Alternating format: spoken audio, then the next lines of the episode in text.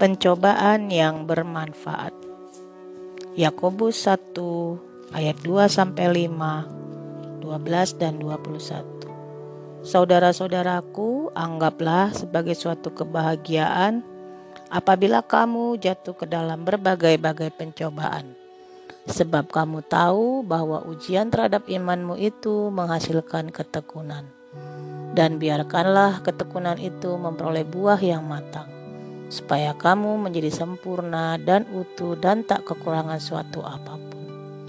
Tetapi apabila di antara kamu ada yang kekurangan hikmat, hendaklah ia memintakannya kepada Allah, yang memberikan kepada semua orang dengan murah hati dan dengan tidak membangkit-bangkit. Maka hal itu akan diberikan kepadanya. Berbahagialah orang yang bertahan dalam pencobaan, sebab apabila ia sudah tahan uji, ia akan menerima mahkota kehidupan yang dijanjikan Allah kepada barang siapa yang mengasihi Dia. Apabila seorang dicobai, janganlah ia berkata, "Pencobaan ini datang dari Allah," sebab Allah tidak dapat dicobai oleh yang jahat, dan Ia sendiri tidak mencobai siapa pun. Tetapi tiap-tiap orang dicobai oleh keinginannya sendiri, karena ia diseret dan dipikat olehnya. Dan apabila keinginan itu telah dibuai, ia melahirkan dosa, dan apabila dosa itu sudah matang, ia melahirkan maut. Saudara-saudara yang kukasihi, janganlah sesat. Setiap pemberian yang baik dan yang setiap anugerah yang sempurna datangnya dari atas, diturunkan dari Bapa segala terang. Padanya tidak ada perubahan atau bayangan karena pertukaran.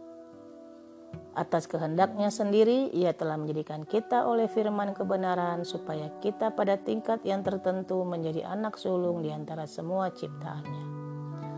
Hai saudara-saudara yang kukasihi, ingatlah hal ini. Setiap orang hendaklah cepat untuk mendengar, tetapi lambat untuk berkata-kata, dan juga lambat untuk marah. Sebab amarah manusia tidak mengerjakan kebenaran di hadapan Allah. Sebab itu, buanglah segala sesuatu yang kotor dan kejahatan yang begitu banyak itu, dan terimalah dengan lemah lembut firman yang tertanam di dalam hatimu, yang berkuasa menyelamatkan jiwamu. Terimalah dengan lemah lembut firman yang tertanam di dalam hatimu, yang berkuasa menyelamatkan jiwamu. Yakobus 1 ayat 21 dalam Imitation of Christ atau mengikuti jejak Kristus, biarawan Thomas E. Kempis dari abad ke-15 memberikan pandangan yang mungkin mengagetkan tentang pencobaan. Ketimbang berfokus pada penderitaan dan kesulitan yang dialami akibat pencobaan, Kempis menulis, pencobaan bermanfaat karena dapat membuat kita rendah hati, membersihkan kita dan mengajar kita.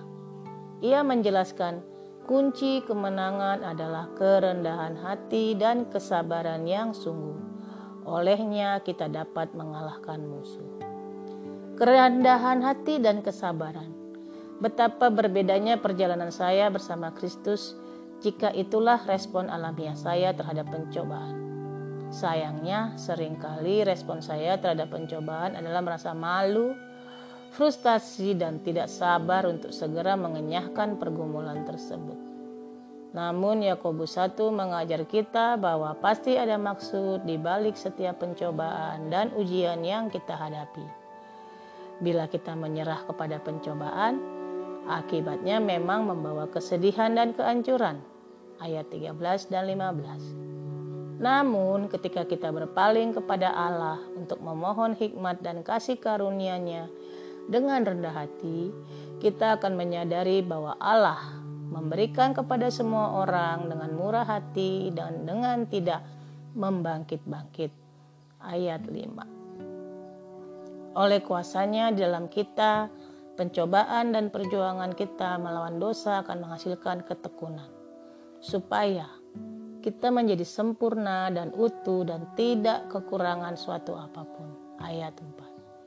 Ketika kita mempercayai Yesus, tidak ada lagi alasan untuk hidup dalam ketakutan. Sebagai anak-anak kesayangan Allah, kita dapat memperoleh damai sejahtera di dalam dekapan tangannya yang penuh kasih, meski berada di tengah badai pencobaan. Oleh Monica Larose.